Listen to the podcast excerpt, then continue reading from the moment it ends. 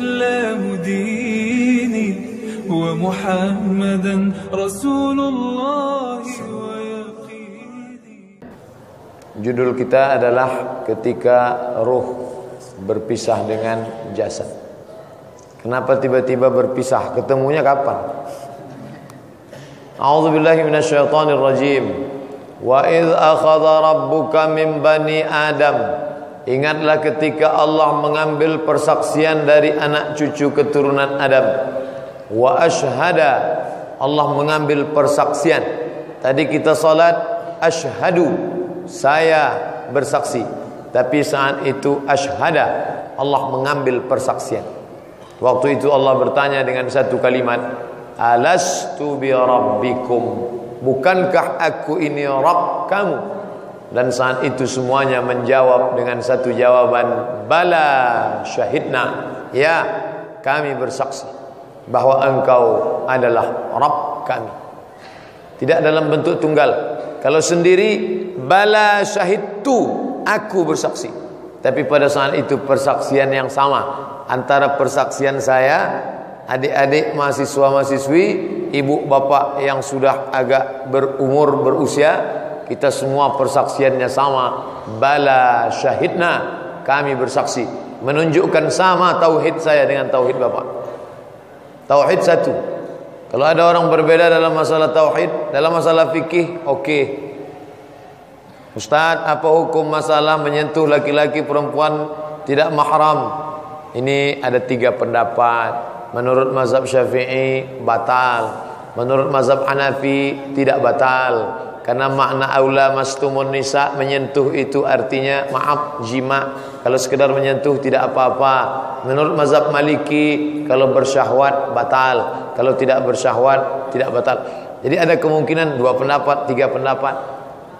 Tapi kalau sudah dalam masalah akidah, apa pendapat Ustaz tentang masalah Allah?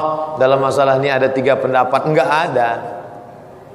Oleh sebab itu dalam masalah khilafiyah khilafiyah kita mesti jelaskan dengan baik. Saat itu semuanya kita menjawab bala syahidna. Ketika itu ruh belum ada kulit, belum ada darah, belum ada bulu, belum ada rambut, belum ada kuku. Dia hanya baru ruh saja. Disebut dia ruh dari kata raha ya ruhu, berhembus, bertiup. Karena ketika Allah memasukkannya ke dalam jasad bertiup. Apa kata Allah bercerita tentang ruh Adam alaihissalam. Fanafakhtu fihi mir ruhi. Aku tiupkan ruh kepadanya. Ada kekeliruan sebagian orang. Dia katakan ruh itu dari Allah.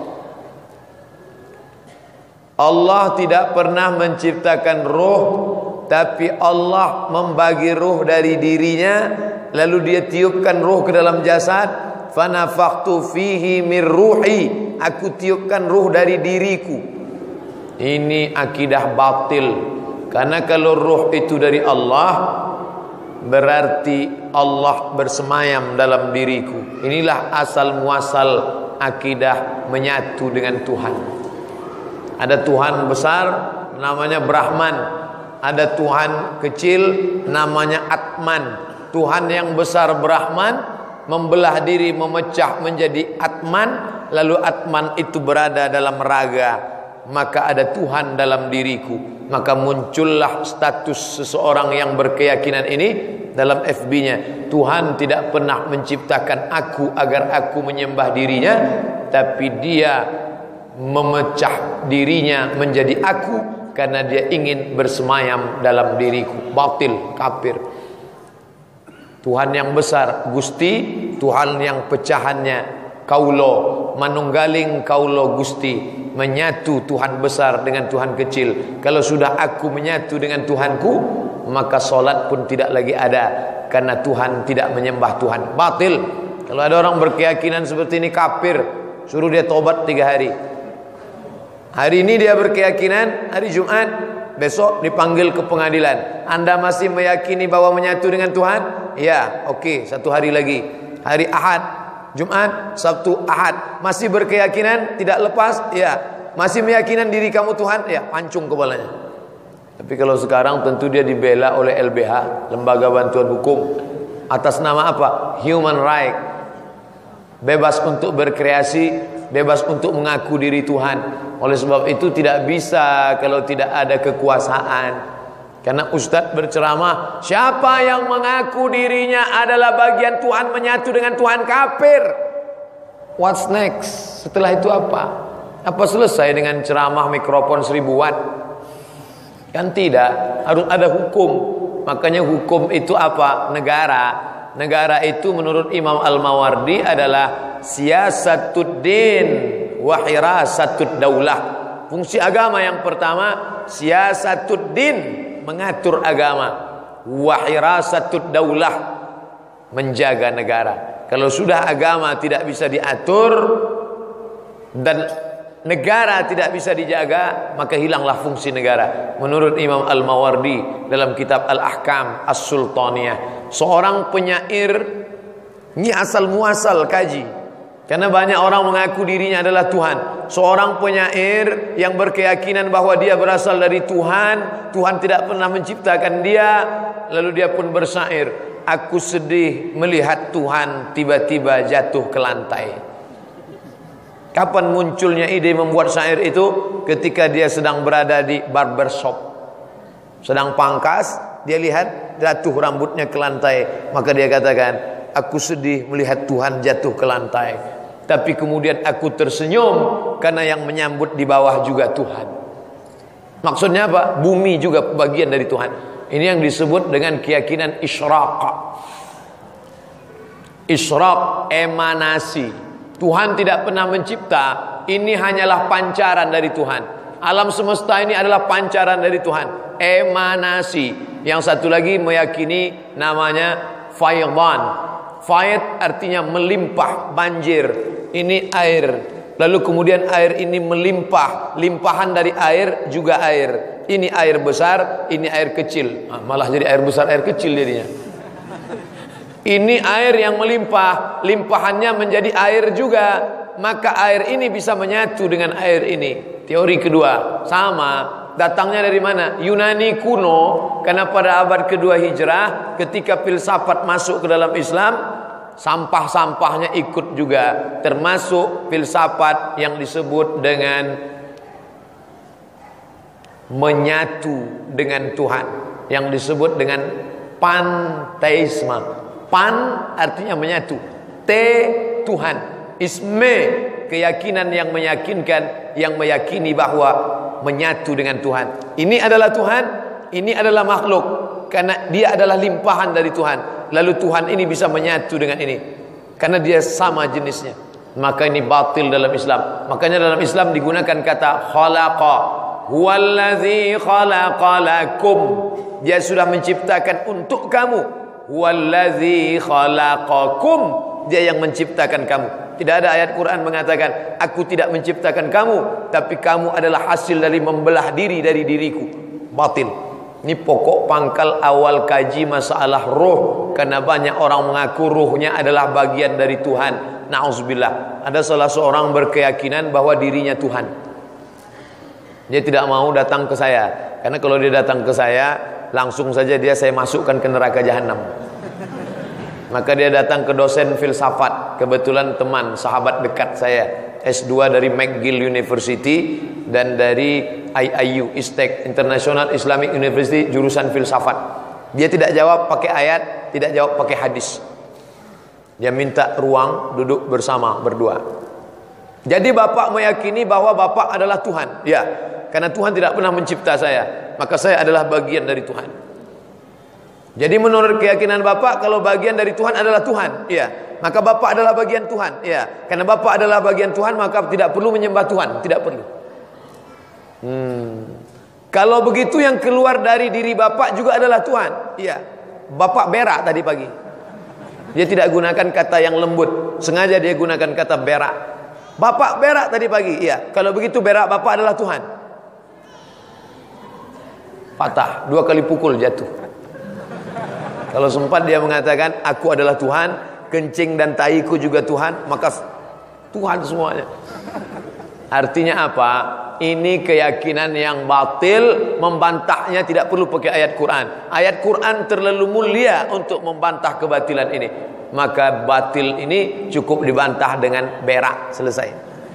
Artinya dia sedang ingin mengatakan ini pemikiran ente ini pemikiran tai.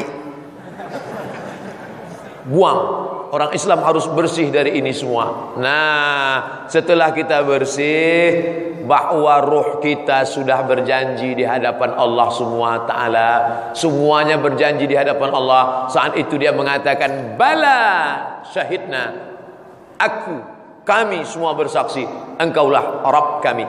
Antaqulu yaumal qiyamah tapi nanti pada akhirnya kalian berkata inna kunna an hadza ghafilin. Kami tidak ingat. Lupa. Alhamdulillah sampai siang ini kita masih ingat. Buktinya apa? Tadi kita berkata asyhadu an la ilaha illallah wa asyhadu anna muhammadan rasulullah. Berapa orang di Bandung ini yang tidak ingat? Lupa. Sampai kemari ke dunia ini apa dia katakan dia tidak katakan aku bersaksi Allah. Yang dia katakan Tuhan itu apa? Monyet. Hanuman. Katanya Tuhan bisa masuk ke gajah Ganesha Bahkan sampai hari ini masih ada orang menyembah empat. Kayu Batu Hantu Lembu. Dalam Islam dibantah. Maka kita mengatakan La ilaha illallah Makanya agama Islam adalah agama yang berani mengatakan tidak. Katakan tidak pada selain agama Allah. La ilaha, no God illallah except Allah. Tidak ada Dewi Kuan Im, tidak ada Yesus Kristus, tidak ada Santa Maria, tidak ada Buddha, tidak ada Siddhartha Gautama, tidak ada Sungai Gangga, tidak ada Santo Thomas. La ilaha illallah. Banyak agama yang mengatakan iya Karena terlalu mudah untuk mengatakan iya. Sulit untuk mengatakan tidak. Makanya coba tengok iklan Say no to drugs Katakan tidak pada narkoba. Say no to bonceng. Katakan tidak pada pacaran. Sulit untuk mengatakan tidak. Maka Islam adalah agama yang berani mengatakan Tidak kepada Lata Tidak kepada Uzza Tidak kepada Manat Tidak kepada Hubal hanya kepada Allah Subhanahu wa taala. Lalu kemudian ruh yang sudah ready, siap bersaksi tadi, saya ingin menjelaskan jangan katakan mari tanamkan agama ke dalam kepala anak-anak kita. Ini yang perlu diluruskan. Seolah-olah kita lahir dalam keadaan blank kosong. Tidak. Allah tidak berikan anak yang ibu kandung 9 bulan 10 hari dalam keadaan kosong anak itu sudah berisi program. Kita tidak pernah beli laptop kosong kecuali laptop curian. Sudah berisi program di dalam. Anak-anak yang ibu kandung di dalam dia sudah bertauhid. Makanya dalam hadis dikatakan, "Ma min mauludin tidak ada anak yang lahir illa yuladu alal fitrah. Melainkan lahir dalam keadaan fitrah. Fitrah bukan kertas putih yang belum dicoret. Fitrah bukan whiteboard yang belum ditulis. Fitrah kata Abu Hurairah. Abu Hurairah yang menjelaskan kata fitrah. Apa itu fitrah? Fitratul Islam. Makanya kalau dia meninggal dunia masuk surga. Walaupun ayahnya si Manung Khalid emaknya Ong Tai Kim Kenapa? Karena dia suci, dia sudah bersaksi di hadapan Allah Subhanahu wa taala. Hanya saja nasibnya kurang baik. Dia masuk ke dalam perut orang kafir, tapi kemudian dia mencari, mencari, mencari, mencari, lalu kemudian dia menemukan dan masuk Islam. Lalu kemudian dia pun bersyahadat. Selesai solat Jumat, pengurus masjid beri pengetahuan pengumuman kepada seluruh jamaah. Selesai salat agar jangan pergi dulu kita saksikan ada saudara kita yang akan bersyahadat masuk Islam. Apakah bapak masuk Islam karena tidak ada paksaan lain? Tidak. Murni karena Allah SWT iya. Padahal dalam hatinya karena mau kawin Ikut saya ya Pak. Ya, asyhadu alla ilaha illallah, asyhadu alla ilaha illallah wa asyhadu anna Muhammadar Rasulullah, wa asyhadu anna Muhammadar Rasulullah. Aku bersaksi tiada Tuhan selain Allah, aku bersaksi tiada Tuhan selain Allah. Orang yang pertama kali melihat mengatakan itu saudara kita baru bersahadat. Bukan. Dia bukan baru bersahadat, dia hanya mengulang syahadatnya yang sudah dia lupakan ketika berada di alam arwah. Waktu itu belum ada kulit, belum ada darah, belum ada bibir, belum ada mulut, baru ruh saja. Lalu kemudian ruh yang sudah siap tadi dikirim Allah masuk ke dalam tempat yang baru bernama rahim. Ana Rahman, aku adalah Rahman kata Allah. Wallahu Rahmanur Rahimul Malikul Qudusus Salamul Mu'min. Ana Rahman, syaqaqtur rahim min ismi wa ja'altu lahu isman min ismi. Rahim, kantong, tempat janin dalam perut perempuan. Inilah yang tidak bisa dibuat oleh dokter Singapura sampai hari ini. Operasi plastik bisa. Bencong-bencong Thailand lebih cantik dari perempuan. Tapi untuk membuat kantong rahim dalam perut bisa. Makanya perempuan-perempuan mohon maaf kalau sudah difonis oleh dokter, "Bu, ada kista di dalam, mesti dioperasi." Efeknya ibu tidak bisa mengandung lagi karena rahim mesti dibuang. Si ibu menangis melelehkan air mata sedih karena rahimnya hilang. Suaminya malah senyum. Kenapa senyum? Dia bisa buka cabang. Kantong tempat janin dalam perut perempuan bukan bahasa Indonesia, bukan bahasa Melayu, tapi dia diambil dari bahasa Arab, dari Asmaul Husna. Kalau ada orang mengatakan laki-laki lebih hebat daripada perempuan, laki-laki lebih mulia daripada perempuan, tidak ada anggota tubuh laki-laki dari ujung rambut sampai ujung kaki yang diambil dari Asmaul Husna, enggak ada.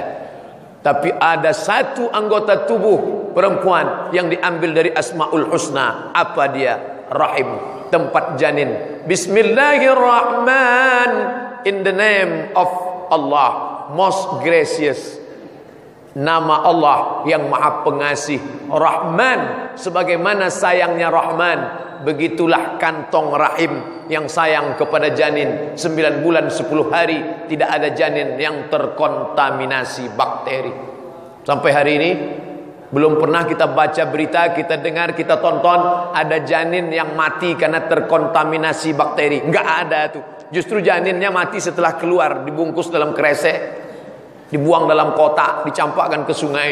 Tapi janin murni, bersih, selamat. Padahal ini maaf, tempat kuman terbanyak di dunia, sejengkal. Tapi di sinilah semuanya. Semua yang kita makan tadi malam menjadi bakteri. Ayam penyet, ayam patah, ayam mati. Bakteri semua nih. Tapi nggak ada janin yang mati karena terkontaminasi bakteri. Kenapa? Karena dia dijaga oleh rahim. Andai rahim itu tidak ada, Bapak Ibu bisa bayangkan menyatulah dia dengan sambal terasi di dalam. Dia dijaga oleh rahim. Maka Allah katakan, dikirimkanlah Inna a'adakum yujma'u khalquhu. Kamu diciptakan dalam rahim ibumu. Arba'ina yauman nutfah. 40 hari dalam bentuk cairan sperma. Summa yakunu alaqatan mithla dhalik. Berubah 40 hari dalam bentuk alaqah. Darah yang menempel di dinding rahim.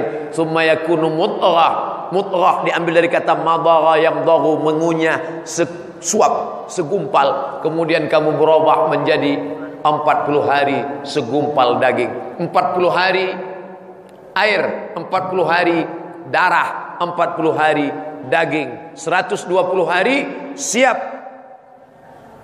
Yursalul malaku. Malaikat dikirim membawa ruh yang sudah siap. Ruh itu sudah semuanya siap. Karena sudah bersumpah di hadapan Allah ruh itu pun dibawa oleh malaikat masuk ke dalam rahim ibu-ibu ibu sekalian. Jadi jangan bayangkan ruh itu gentayangan. Mau masuk ke mana ya? Coba lihat bunyi hadisnya. Yursalul malaku. Malaikat dikirim. Malaikat membawa. Hanya saja nama malaikatnya nggak disebut. Makanya kalau ada orang ngaji tauhid. Malaikat ada sepuluh. Malaikat kiraman katibin. Malaikat mungkar nakir. Malaikat rakib atid. Malaikat malik ridwan. Malaikat jibril mikail israfil. Itu bukan batasan. Itu ulama untuk mengajarkan untuk memudahkan. Karena ada malaikat-malaikat yang tidak disebut namanya. Malaikat yang hadir dalam majelis ilmu. Enggak disebut namanya. Majtama aqamun fi baitin min buyutillah. Sekelompok orang yang sedang duduk di majelis rumah Allah.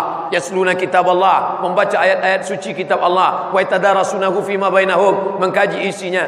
Turun malaikat. Malaikatnya siapa? Enggak disebut namanya ustaz ya kenapa Allah enggak sebutkan nama-nama malaikat yang 10 aja ente enggak apal apalagi ditambah lagi Ustaz, kenapa Allah cuma sebutkan nama Nabi 25 yang 25 aja yang tega apal ngapain ditambah sampai 30? Hafal aja yang ada. Lalu kemudian Allah Subhanahu wa taala mengirim malaikat, malaikat membawa ruh masuk ke dalam alam rahim. Kenapa Allah taala titipkan itu dalam rahim perempuan? Agar Allah menunjukkan makhluk yang kalian katakan selama ini lemah yang paling banyak masuk neraka perempuan. Akhirnya banyak perempuan komplain ke saya. Ustaz kenapa kami yang paling banyak masuk neraka? Enggak tahu saya saya bilang. Kata Syekh Ibnu Utsaimin kenapa perempuan yang paling banyak masuk neraka karena makhluk yang paling banyak itu perempuan. Maka yang paling banyak pengajian perempuan. Yang paling banyak baca Quran perempuan, yang paling banyak ke diskotik perempuan, yang paling banyak masuk surga perempuan, yang paling banyak masuk neraka ya perempuan. Orang dia yang paling banyak. Begitu pemahamannya. Bahwa perempuan itu hina, perempuan menghinakan dirinya, tapi perempuan mulia Allah pilih rahimnya untuk bersemayam, maka tinggallah ruh di saat itu ketemulah ruh dengan jasad. Di saat jasad berumur 120 hari maka hiduplah dia di dalam. Lalu kemudian si ibu pun berkata ternyata kita sudah punya calon bayi baru ya Pak senang bukan main. Akhirnya dia ngundang orang selamatan. Ada acara kenduri baca doa. Rabbana hablana minas solihin lain daerah lain macam-macam tradisi. Ada pula kiai yang ngajarkan ibu kalau mau anaknya ganteng banyak-banyak baca surat Yusuf supaya ganteng seperti Nabi Yusuf. Si ibu pun keyakinannya luar biasa. Tiap hari baca begitu anaknya lahir hitam pesek pendek. Kiainya nggak salah Maksudnya kalau ibunya baca Quran, anaknya kan tenang di dalam. Wa idza quri'al Qur'an. Kalau ada orang baca Quran, fastami'u lahu, dengar baik-baik. Wa ansitu, diam. La'allakum turhamun. Ibunya baca Quran. Bismillahirrahmanirrahim. Ar-Rahman. Allamal Qur'an. Khalaqal insan. Allamahul bayan. Anaknya tenang di dalam. Suaminya tertidur, anaknya tenang. Beruntung bertuahlah adik-adik saya yang sudah menikah dapat istri hafal Quran. Yang belum hafal Quran jaga-jaga aja. Artinya apa? Pendidikan anak. Roh sudah ketemu dengan jasad. Berapa lama dia berada di dalam? Sembilan bulan sepuluh hari. Tapi itu sekarang. Itu dokter yang matok. Sembilan bulan sepuluh hari. Bu, sudah berapa lama kandungannya? Sudah sekian pekan. Sesar. Kalau zaman dulu nggak ada sesar, makanya dalam dalam kitab fikih klasik ada disebut itu janin bisa bertahan di dalam selama dua tahun. Dalam fikih klasik disebut janin bisa bertahan di dalam dua tahun. Kalau dua tahun dia di dalam begitu lahir pakai gigi langsung.